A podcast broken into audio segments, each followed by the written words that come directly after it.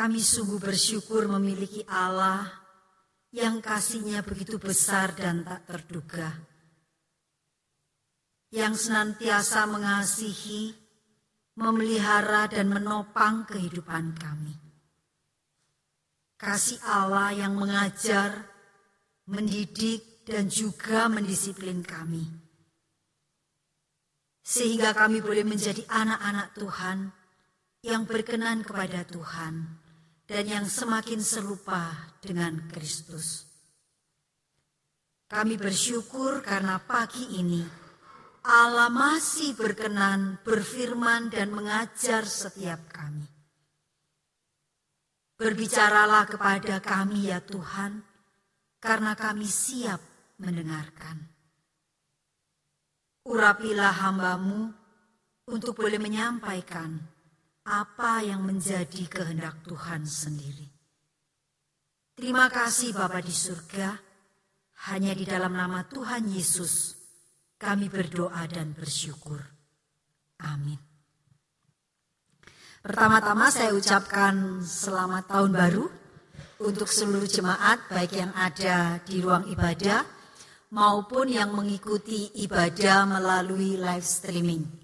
Saya tahu ada beberapa jemaat yang karena kondisi kesehatan atau yang dirawat di rumah sakit yang mengikuti ibadah live streaming. Selamat beribadah. Bapak Ibu yang dikasih oleh Tuhan, saya juga menyapa beberapa rekan dan saudara yang mungkin sedang berlibur ke Surabaya dan ibadah bersama-sama dengan kita. Ada saudara dari Singapura yang dulu jemaat kita.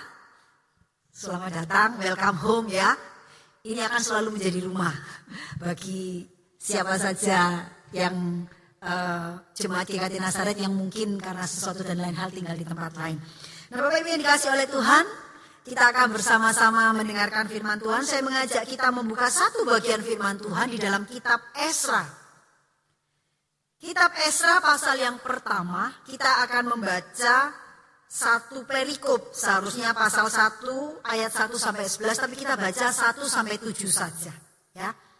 Esra pasal yang pertama kita akan membaca ayat 1 sampai dengan ayat yang ketujuh.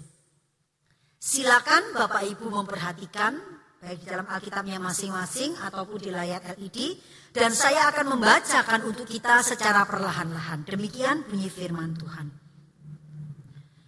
Berkat yang tak, uh, maaf, Esra 1 ayat 1 sampai 11. Koresi mengizinkan orang-orang buangan pulang ke negerinya. Pada tahun pertama zaman Kores, Raja Negeri Persia, Tuhan menggerakkan hati Kores, Raja Persia itu untuk menggenapkan firman yang diucapkan oleh Yeremia. Sehingga disiarkan di seluruh kerajaan Kores secara lisan dan tulisan pengumuman ini. Beginilah perintah Kores, Raja Persia Segala kerajaan di bumi telah dikaruniakan kepadaku oleh Tuhan Allah semesta langit. Ia menugaskan aku untuk mendirikan rumah baginya di Yerusalem yang terletak di Yehuda. Siapa di antara kamu termasuk umatnya, Allahnya menyertainya. Biarlah ia berangkat pulang ke Yerusalem yang terletak di Yehuda dan mendirikan rumah Tuhan Allah Israel yakni Allah yang diam di Yerusalem. Dan setiap orang yang tertinggal di mana pun ia ada sebagai pendatang harus disokong oleh penduduk setempat dengan perak dan emas, harta benda dan ternak, di samping persembahan sukarela bagi rumah Allah yang ada di Yerusalem. Maka berkemaslah kepala-kepala kaum keluarga orang Yehuda dan orang Benyamin, serta para imam dan orang-orang Lewi yakni setiap orang yang hatinya digerakkan Allah untuk berangkat pulang dan mendirikan rumah Tuhan yang di Yerusalem. Dan segala orang di sekeliling mereka membantu mereka dengan barang-barang perak, dengan emas, harta benda, dan ditaruhnya di dalam kuil Allahnya. Demikian pembacaan firman Tuhan. Bapak, Ibu, dan jemaat yang dikasih oleh Tuhan di dalam ibadah 31 Desember 2023 yang lalu yang merupakan minggu terakhir dari tahun 2023 firman Tuhan mengingatkan kita untuk menghitung berkat-berkat untuk mengganti kekhawatiran kita dengan rasa percaya kepada Tuhan. Karena sesungguhnya berkat dan kebaikan Tuhan itu tidak terhingga. Dan hari ini di 7 Januari 2024, di minggu pertama tahun 2024, firman Tuhan kembali menyapa dan mengingatkan kita bahwa ada berkat yang Allah sediakan sepanjang tahun 2024. Bapak Ibu yang dikasih oleh Tuhan, apa yang terlintas dalam pikiran kita ketika kita membaca tema berkat Tuhan yang tak terduga? Apa yang muncul di dalam pikiran kita ketika kita membaca berkat Tuhan yang tak terduga? Sebagian besar di antara kita ketika mendengar kata berkat yang tak terduga, itu sering kali dikaitkan dengan kebaikan atau keuntungan yang didapatkan yang tidak diperkirakan ya atau kita membayangkan tentang kejutan yang menyenangkan ya kita dapat hadiah undian dapat tiket gratis atau apa begitu ya atau yang terlintas dalam pikiran kita ketika berbicara tentang berkat yang tak terduga itu mungkin tentang berbagai macam yang akan muncul di tahun ini Entah itu peluang karir, entah itu peluang pekerjaan, atau peluang-peluang usaha yang lain. Atau berkat yang kita tidak pernah pikirkan, oh tiba-tiba dapat, tiba-tiba muncul gitu ya. Atau kejadian-kejadian yang membahagiakan yang mungkin tidak pernah kita pikirkan atau rencanakan. Umumnya kita mengaitkan berkat itu dengan sesuatu yang bersifat materi atau sesuatu yang bersifat jasmani. Padahal sesungguhnya ketika kita berbicara tentang berkat, berkat itu bisa juga berupa kebaikan Tuhan. Berupa kekuatan rohani dari Allah sebagai bentuk kasih dan anugerahnya kepada kita anak-anaknya orang percaya. Bapak Ibu dikasih oleh Tuhan hari ini kita mau belajar dari kitab Esra tentang kasih dan kebaikan Tuhan. Apa sebetulnya berkat yang penting yang seharusnya senantiasa menjadi sesuatu yang kita utamakan dan kita prioritaskan. Hari ini kita belajar tentang kasih dan kebaikan Tuhan kepada jemaat Israel yang dibuang di Babel. Ketika bicara tentang berkat yang ter terduga dalam bagian Esra ini, kita melihat bagaimana Allah itu menggenapi janjinya kepada bangsa Israel. Membawa bangsa Israel itu kembali pulang ke Yerusalem. Bapak Ibu yang dikasih oleh Tuhan, kalau kita perhatikan Esra pasal yang pertama ini dimulai dengan kisah bahwa Koresi, raja yang raja Persia yang berhasil menguasai Babel, itu mengizinkan atau memerintahkan atau membuat pengumuman mengizinkan orang Israel itu kembali ke Yerusalem. Jadi dulunya orang Israel dijajah oleh Babel, dibawa pulang ke Babel ya sebagai tawanan. Nah, beberapa waktu kemudian Raja Persia, Koresi, ini berhasil menguasai Babel. Jadi ketika menguasai Babel, di dalamnya ada orang Yerusalem, ada orang Israel, ya. Dan pada saat Koresi ini menguasai Babel, yang mengizinkan orang Israel pulang ke Yerusalem. Mengapa bagi orang Israel bisa pulang ke tanah perjanjian itu merupakan sebuah berkat yang besar. Israel raja-rajanya itu membuat bangsa ini jatuh di dalam dosa. Dan ini menimbulkan murka bagi Allah. Di dalam murkanya kemudian Allah itu menghukum orang Israel. Menggunakan bangsa Babel untuk mendidik, mengajar dan menghukum orang Israel. Sehingga kemudian orang Israel ini dibawa sebagai tawanan ke Babel. Ketika mereka dibawa ke Babel, bukan hanya mereka ini ditawan, tetapi Yerusalem itu mengalami kehancuran. Bait Allah dihancurkan, tembok perlindungan juga dihancurkan, rumah-rumah penduduk dihancurkan, dibakar, istana juga dirusak. Barang-barang yang ada di bait Allah itu juga dirampas dan dibawa ke Babel. Peristiwa ini memiliki sebuah konsekuensi yang besar bagi sejarah dan menimbulkan perubahan identitas bagi bangsa Israel. Pembuangan di Babel ini bukan hanya sekedar penjajahan secara fisik, tetapi pembuangan ke Babel ini juga menimbulkan duka yang sangat besar secara spiritual. Pembuangan ke Babel itu membuat bangsa Israel ini kehilangan tanah air. Tetapi juga membuat mereka ini kehilangan martabat, dignity, harga diri mereka. Dan yang paling penting mereka itu Bapak Ibu yang dikasih oleh Tuhan, ketika kita bicara tentang penjajahan, ketika bicara tentang bangsa Israel dibawa ke Babel, kehilangan tanah air itu sebagai konsekuensi awal ketika mereka ditawan. Tetapi bukan hanya kehilangan tanah air yang membuat mereka sedih. Mereka ini kehilangan martabat, kehilangan dignity mereka. Mengapa dikatakan bahwa mereka itu kehilangan dignity, kehilangan martabat mereka? Bapak Ibu yang dikasih oleh Tuhan, bangsa Israel itu adalah bangsa yang sangat meyakini bahwa dirinya itu adalah bangsa orang yang tidak mengenal pembuangan ke Babel bukan hanya mendatangkan penderitaan secara fisik, tetapi juga penderitaan secara rohani atau spiritual. Mengapa demikian? Ketika mereka dibuang ke Babel, bait Allah itu dihancurkan. Bait Allah ini merupakan lambang kehadiran dan penyertaan Allah bagi Israel. Dan ketika itu dihancurkan, mereka tidak bisa lagi melihat kehadiran Allah di tengah-tengah tengah mereka. Dan selama pembuangan di Babel, mereka tidak bisa melakukan Taurat secara sempurna. Karena ada aturan-aturan Taurat itu yang harus dilakukan di bait suci. Ya, di antaranya yaitu bahwa selama pembuangan mereka itu tidak bisa memberikan korban uh, bakaran sebagai korban penghapus dosa. Kita tahu kalau kita baca di dalam uh, kitab uh, Taurat ya dikatakan bahwa ketika mereka melakukan kesalahan atau mereka melakukan dosa dan mereka membutuhkan pengampunan, mereka harus datang ke bait Allah. Mereka harus meminta kepada imam untuk mengadakan korban pengampunan dosa bagi mereka.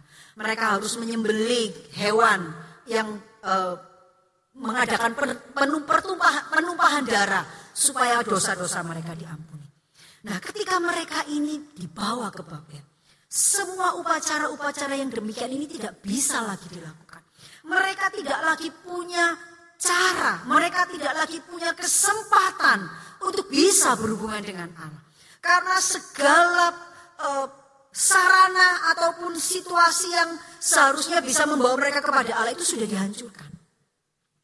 Dan dikatakan juga selama mereka itu ada di Babel, mereka itu tidak bisa merayakan hari raya Yom Kippur salah satu hari raya terbesar bagi bangsa Israel, yaitu hari raya pendamaian.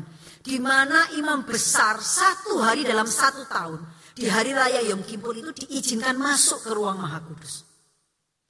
Datang ke ruang Maha Kudus, mempersembahkan korban bakaran untuk melakukan pengampunan dosa bagi seluruh bangsa.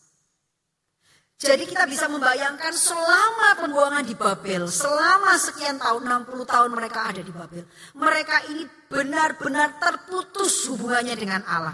Mereka tidak dapat berelasi dengan Allah. Semua ritual-ritual yang memungkinkan mereka untuk datang kepada Allah, untuk mendapatkan pengampunan dosa, untuk mendapatkan pengudusan, untuk mendapatkan pendamaian, semuanya tidak bisa dilakukan. Ini menimbulkan kepedihan yang sangat besar bagi bangsa Israel.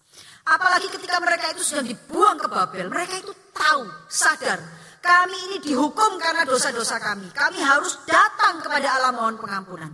Tetapi fasilitas, sarana yang bisa mereka gunakan untuk mendapatkan pengampunan dosa, itu semua sudah dihancurkan. Ketika saya membaca beberapa buku, Buku-buku ini menjelaskan betapa penderitaan mereka itu sedemikian luar biasa. Karena mereka itu butuh pertolongan, butuh datang kepada Allah. Tetapi mereka tidak punya kesempatan. Nah Bapak Ibu yang dikasih oleh Tuhan, Allah mendidik bangsa Israel. Mengizinkan mereka ada di dalam pembuangan. Untuk menunjukkan kepada mereka, ketika engkau tidak bersama-sama dengan aku, kamu ada dalam keadaan yang sangat menderita. Kamu tidak, tidak punya sumber pertolongan. Kamu tidak punya sumber pengampunan. Mereka diizinkan untuk ada di dalam keadaan yang terpisah dengan Allah. Tetapi Allah tidak membiarkan kondisi ini terus-menerus. Bangsa Israel juga tahu bahwa Allah berjanji kepada mereka melalui nubuatan para nabi bahwa satu ketika mereka akan dipulihkan, mereka akan dibawa kembali ke tanah perjanjian. Dan pada masa koresi inilah yang ditulis oleh Esra diceritakan bahwa Allah itu menggenapi janji janji-janjinya. Ia menggenapi nubuatan yang disampaikan oleh para nabi, yaitu bahwa satu ketika mereka akan dibawa kembali. Koresi yang berhasil menguasai Babel mengizinkan orang Israel kembali ke Yerusalem. Ini merupakan sebuah berkat yang sangat besar bagi bangsa Israel. Sebuah berkat yang mereka nanti-nantikan dan doa-doakan sepanjang waktu. Sebuah keadaan yang mereka tunggu-tunggu agar mereka bisa pulang kembali ke negeri perjanjian. Bisa kembali bersekutu dengan Allah. Bapak Ibu yang dikasih oleh Tuhan, ada tiga nabi yang menubuatkan tentang kembalinya mereka ke Yerusalem. Nabi Yesaya pada Yesaya 45 ayat 13 itu menuliskan, Akulah yang menggerakkan Kores untuk maksud penyelamatan dan aku akan meratakan segala jalannya. Dialah yang akan membangun kotaku dan yang akan melepaskan orang-orangku yang ada dalam pembuangan tanpa bayaran dan tanpa suap. Firman Tuhan semesta alam. Waktu saya menyiapkan bagian ini, saya itu takjub-takjub sendiri gitu ya. Takjub-takjub sendiri karena apa? Karena ketika Yesaya itu menyampaikan nubuatan ini, nubuatan Yesaya ini diucapkan 160 tahun sebelum peristiwa ini terjadi nubuatan yang disampaikan kepada bangsa Israel, kalau kamu terus begini, waktu itu Yeremia mereka belum dibuang.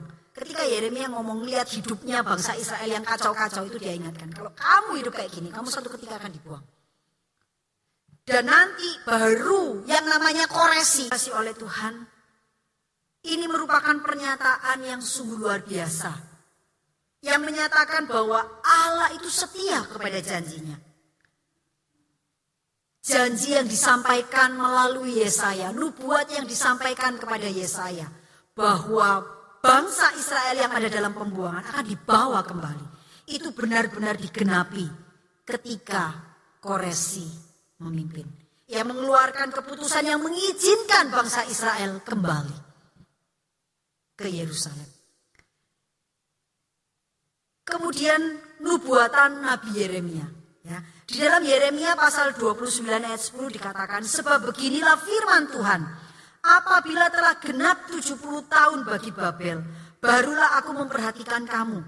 Aku akan menepati janjiku kepadamu dengan mengembalikan kamu ke tempat ini. Bangsa Israel senantiasa menanti-nantikan kapan waktu penggenapan.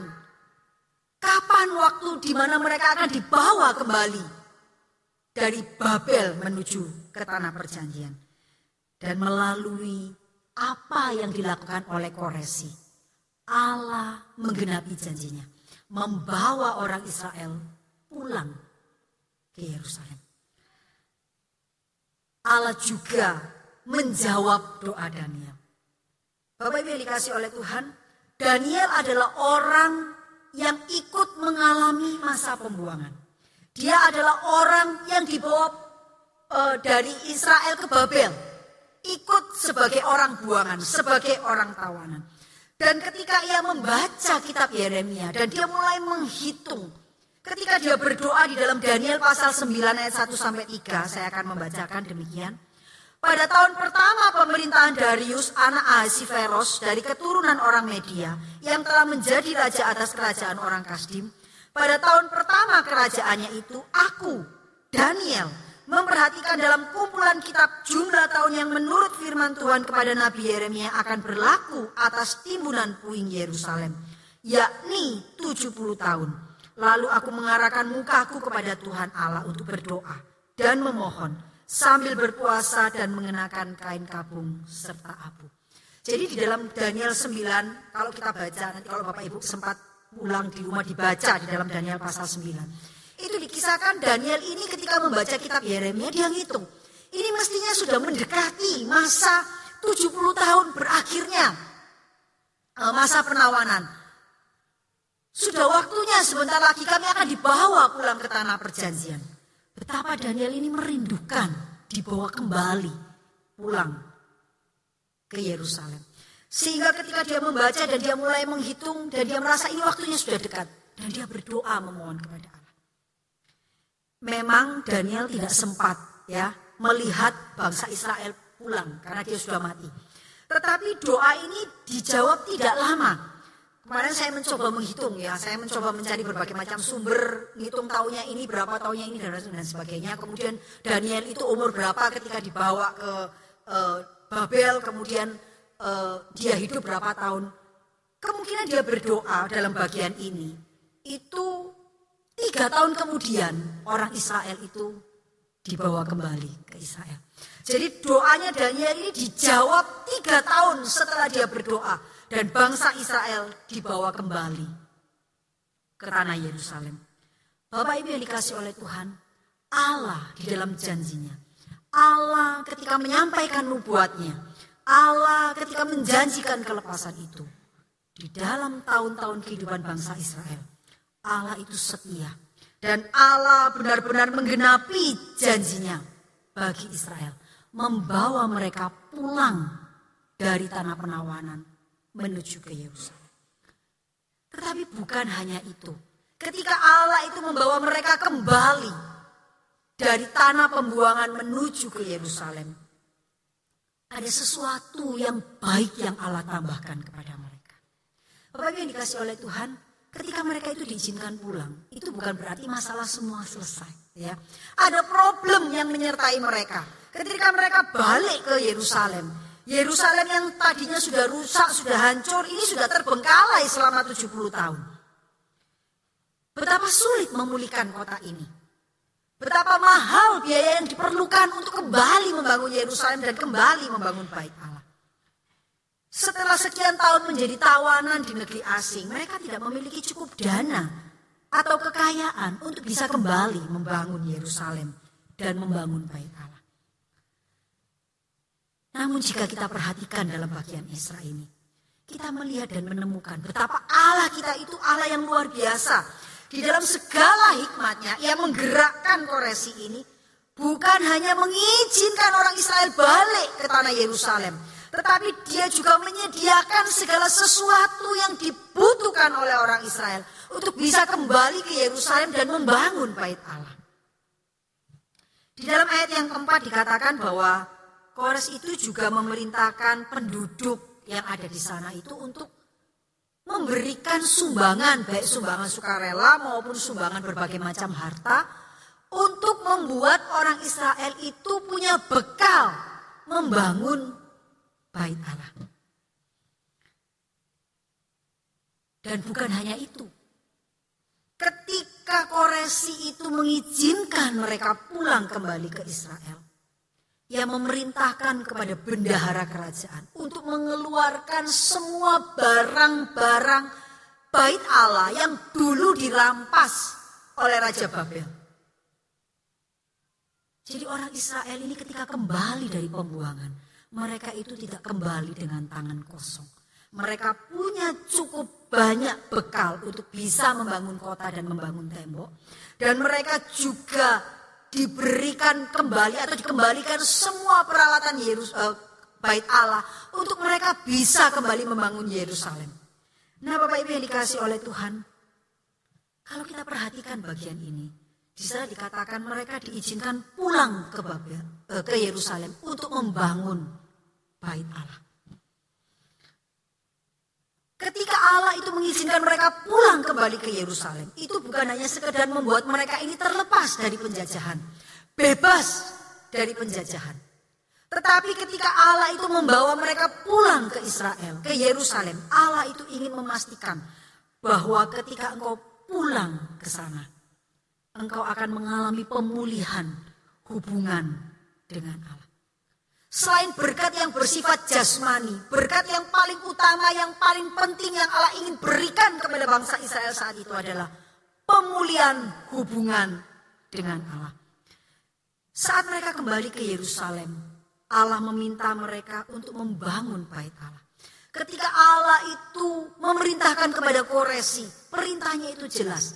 Agar dia mengizinkan orang Israel itu pulang dan mengizinkan mereka untuk membangun rumah Allahnya. Jadi Bapak Ibu yang dikasih oleh Tuhan, kembalinya mereka atau kembalinya orang Israel ke tanah perjanjian bukan hanya melepaskan mereka dari penjajahan, tetapi yang terpenting adalah menjadikan mereka kembali menjadi umat pilihan Allah. Menjadi umat yang memiliki relasi dengan Allah. Allah tidak ingin mereka pulang ke tanah perjanjian, tetapi tetap tidak memiliki hubungan dengan Allah. Kehilangan pemulihan hubungan dengan Allah. Ketika mereka pulang ke Yerusalem, mereka punya kesempatan untuk membangun rumah Allah. Untuk melihat lambang kehadiran Allah itu kembali dibangun. Untuk membuat mereka bisa melakukan aturan-aturan Taurat yang sudah ditetapkan. Untuk membuat mereka bisa kembali merayakan hari raya pendamaian atau Yom Kippur. Untuk membuat relasi mereka dengan Allah dipulihkan. Jadi Bapak Ibu yang dikasih oleh Tuhan. Ketika kita berbicara tentang berkat Allah yang tak terduga. Kita bukan bicara tentang sesuatu yang hanya bersifat materi atau fisik. Tetapi berkat terbesar yang paling utama yang bisa kita terima sebagai orang berdosa adalah pemulihan hubungan dengan Allah. Bapak Ibu yang dikasih oleh Tuhan, ada banyak di antara kita yang tidak pernah merasa sebagai orang yang terjajah. Kita tidak pernah merasa sebagai orang yang terbuang. Dan celakanya kita tidak pernah merasa sebagai orang yang terpisah dari Allah. Padahal sesungguhnya di dalam kehidupan kita, kita ini sering kali berada seperti orang Israel yang ada di Babel. Kita tidak bisa bersekutu dengan Allah. Kita tidak memiliki relasi dengan Allah. Bukan karena kita sedang dijajah, bukan karena sarana-sarana yang diberikan untuk bersekutu dengan Allah itu tidak ada. Tetapi sering kali kita ini menjadi penau, tawanan, do, tawanan atau tidak bisa berrelasi dengan Allah karena dosa-dosa kita. Ada perilaku-perilaku di dalam kehidupan kita yang membuat kita itu terpisah dari Allah. Sadar ataupun tidak, kadang-kadang rasa bersalah itu membuat kita sulit untuk datang menghampiri Allah. Atau bahkan yang lebih celaka, dosa-dosa itu sudah sedemikian rupa merusak kita. Sehingga membuat kita itu merasa tidak perlu datang kepada Allah. Sehingga kita nggak punya relasi dengan Allah. Atau mungkin kita sudah tidak punya masalah dengan dosa. Saya hidup mengikuti firman Tuhan. Saya mentaati apa yang Tuhan perintahkan. Saya tidak mencuri, saya tidak berbohong, saya tidak menipu, saya tidak berzina, saya tidak melakukan sesuatu yang tidak pantas. Tetapi sering kali kesibukan-kesibukan kita itu membuat kita kehilangan waktu untuk berelasi dengan Allah. Mari kita mencoba merenung dan berpikir serta menjawab dengan jujur. Apakah kita sungguh-sungguh secara sengaja mempersiapkan waktu untuk datang dan bersekutu dengan Allah? Apakah kita secara sengaja menyiapkan waktu untuk berdoa? Apakah kita dengan secara sadar, secara sengaja menyiapkan waktu untuk berdoa, membaca firman Tuhan dan bersekutu dengan Tuhan? Ataukah di tengah segala kesibukan, kerutan, kesenangan yang kita miliki, kita menempatkan berdoa, berrelasi dengan Allah itu adalah urutan yang paling akhir. Nanti Tuhan, kalau saya punya waktu, saya datang kepada Tuhan. Seperti saya katakan di dalam khotbah Natal yang lalu kalau iblis itu tidak bisa membuat kita melakukan yang jahat. Iblis itu akan membuat kita sibuk. Supaya kita nggak punya waktu untuk bersekutu dengan Tuhan.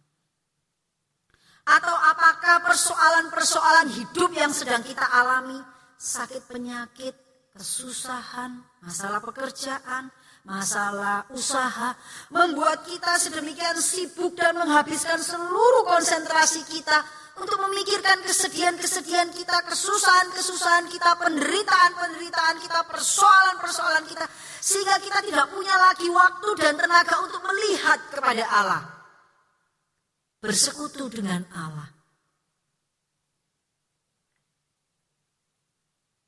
Ataukah kita sudah berada di zona nyaman? Kita berada dalam keadaan yang baik. Kita merasa tidak ada sesuatu lagi yang aku butuhkan dari Allah. Bapak Ibu yang dikasih oleh Tuhan. Kita mungkin tidak terjajah seperti orang Israel di negeri Babel. Tetapi tanpa sadar kita mungkin berada pada posisi terpisah dari Allah. Padahal sesungguhnya kita ini adalah anak-anak Tuhan yang kalau datang kepada Tuhan itu sudah tidak perlu ritual macam-macam. Kita tidak punya hambatan atau tidak punya kesusahan apa pun untuk bisa datang kepada Allah. Berbeda dengan orang Israel pada masa itu.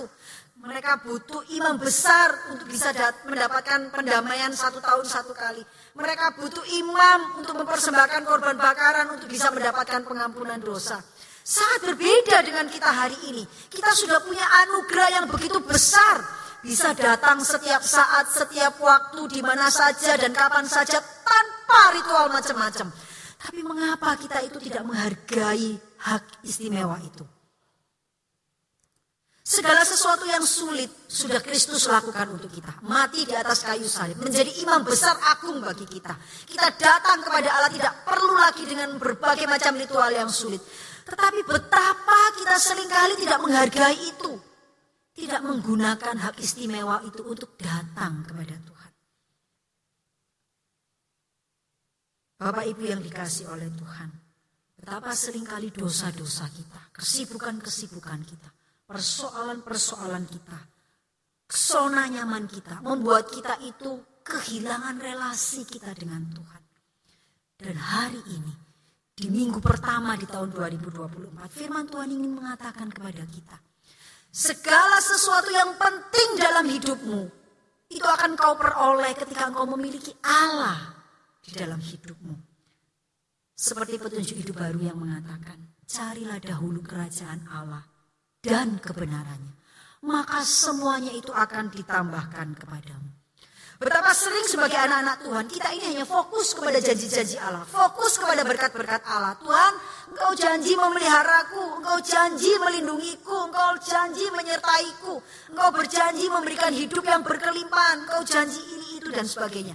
Kita menanti-nantikan Allah menepati janjinya.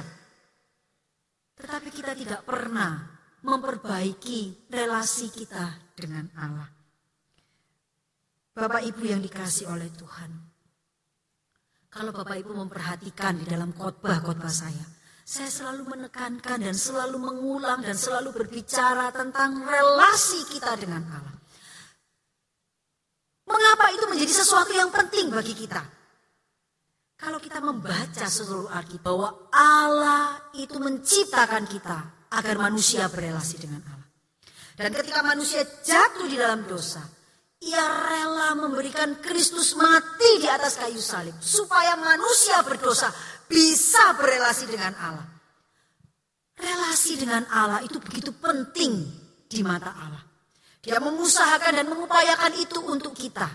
Tetapi mengapa kita sebagai anak-anaknya sering kali menyepelekan dan menganggap itu tidak penting? Bapak Ibu yang dikasih oleh Tuhan, ketika kita memiliki relasi dengan Allah, itu berarti kita memiliki dan mendapatkan seluruh janji berkatnya. Ketika kita itu memiliki relasi dengan Allah, itu berarti kita punya sumber pertolongan, kita punya sumber berkat, kita punya sumber pernyataan. Kita bukan hanya dapat penyertaan, dapat berkat, atau dapat uh, perlindungan, tetapi kita punya sumbernya. Ketika kita bicara sumber, itu berarti tidak pernah berakhir, tidak pernah berhenti. Mengapa kita sibuk nyari yang lain? Kenapa kita tidak cari sumbernya? Hari ini kita telah dipaparkan tentang sebuah kebenaran bahwa memiliki relasi dengan Allah itu adalah hal yang penting. Pertanyaannya adalah bagaimana kita merespon. Bagaimana kita merespon firman pada hari ini? Apakah kita lebih fokus kepada berkat-berkat yang Allah sediakan? Ataukah kita lebih fokus kepada Allah sebagai sumber berkat? Bapak Ibu yang dikasih oleh Tuhan, kalau Bapak Ibu disuruh milih, punya ayam yang bertelur emas, atau punya telur emas, kira-kira milih yang mana? Saya yakin Bapak Ibu nggak pakai mikir, nggak pakai baca, bisa jawab dengan merem. Aku mau ayam yang bisa bertelur emas. Kenapa? Karena kita tahu kalau kayak saya punya ayamnya, dia bertelur terus. Kalau saya cuma punya telurnya, toh telur dijual habis nggak ada lagi. Tetapi mengapa di dalam konsep yang paling sederhana ini kita tidak bisa menerapkan dalam hidup rohani kita? Mengapa kita lebih sibuk mencari berkat Allah ketimbang mencari Allah? Firman Tuhan di dalam Matius mengatakan dengan jelas, carilah dahulu kerajaan Allah dan kebenarannya. Maka semuanya itu akan ditambahkan kepadamu. Ketika kita itu memiliki Allah, kita memiliki segalanya. Ketika ada dalam kesulitan, kita punya sumber pertolongan. Ketika di dalam persoalan, kita punya sumber jalan keluar. Ketika ada dalam sakit penyakit, kita tahu Allah kita adalah tabib yang agung. Ketika di dalam segala masalah dan percobaan, kita tahu Allah menyertai kita. Karena itu Bapak Ibu yang dikasih oleh Tuhan, di minggu pertama di bulan Januari di tahun 2024 ini, saya ingin menyampaikan sebuah pesan sederhana yang penting, yang saya harapkan kita semua terus mengingatnya. Milikilah relasi dengan Allah. Senantiasa bersekutu dengan Allah. Senantiasa mengutamakan Allah dalam hidup kita senantiasa meletakkan Allah di dalam daftar nomor satu di dalam hidup kita. Karena ketika kita memiliki Allah dalam hidup kita, maka segala sesuatu yang baik akan ditambahkan kepada kita. Mari kita berdoa. Tuhan Bapa di surga, terima kasih untuk firman-Mu yang mengingatkan kepada kami betapa pentingnya dan betapa berharganya ketika kami memiliki relasi dengan Allah. Tolonglah kami ya Allah Roh Kudus, agar hidup kami tidak ditawan oleh dosa. Agar hidup kami tidak ditawan oleh berbagai macam kesibukan yang membuat kami kehilangan relasi dengan Allah. Tolonglah kami ya Allah Roh Kudus agar zona nyaman tidak membuat kami kehilangan hubungan dengan Allah. Tolonglah kami agar persoalan, kesulitan, kesedihan, sakit penyakit membuat kami terpisah dari Allah.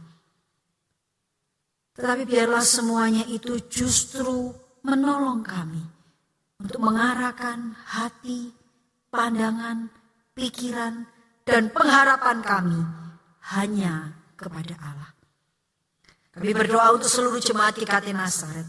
Tuhan menolong setiap kami.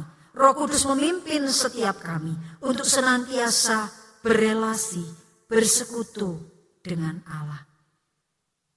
Dan biarlah segala sesuatu yang baik akan menyertai jemaat GKT Nasaret sepanjang tahun 2024.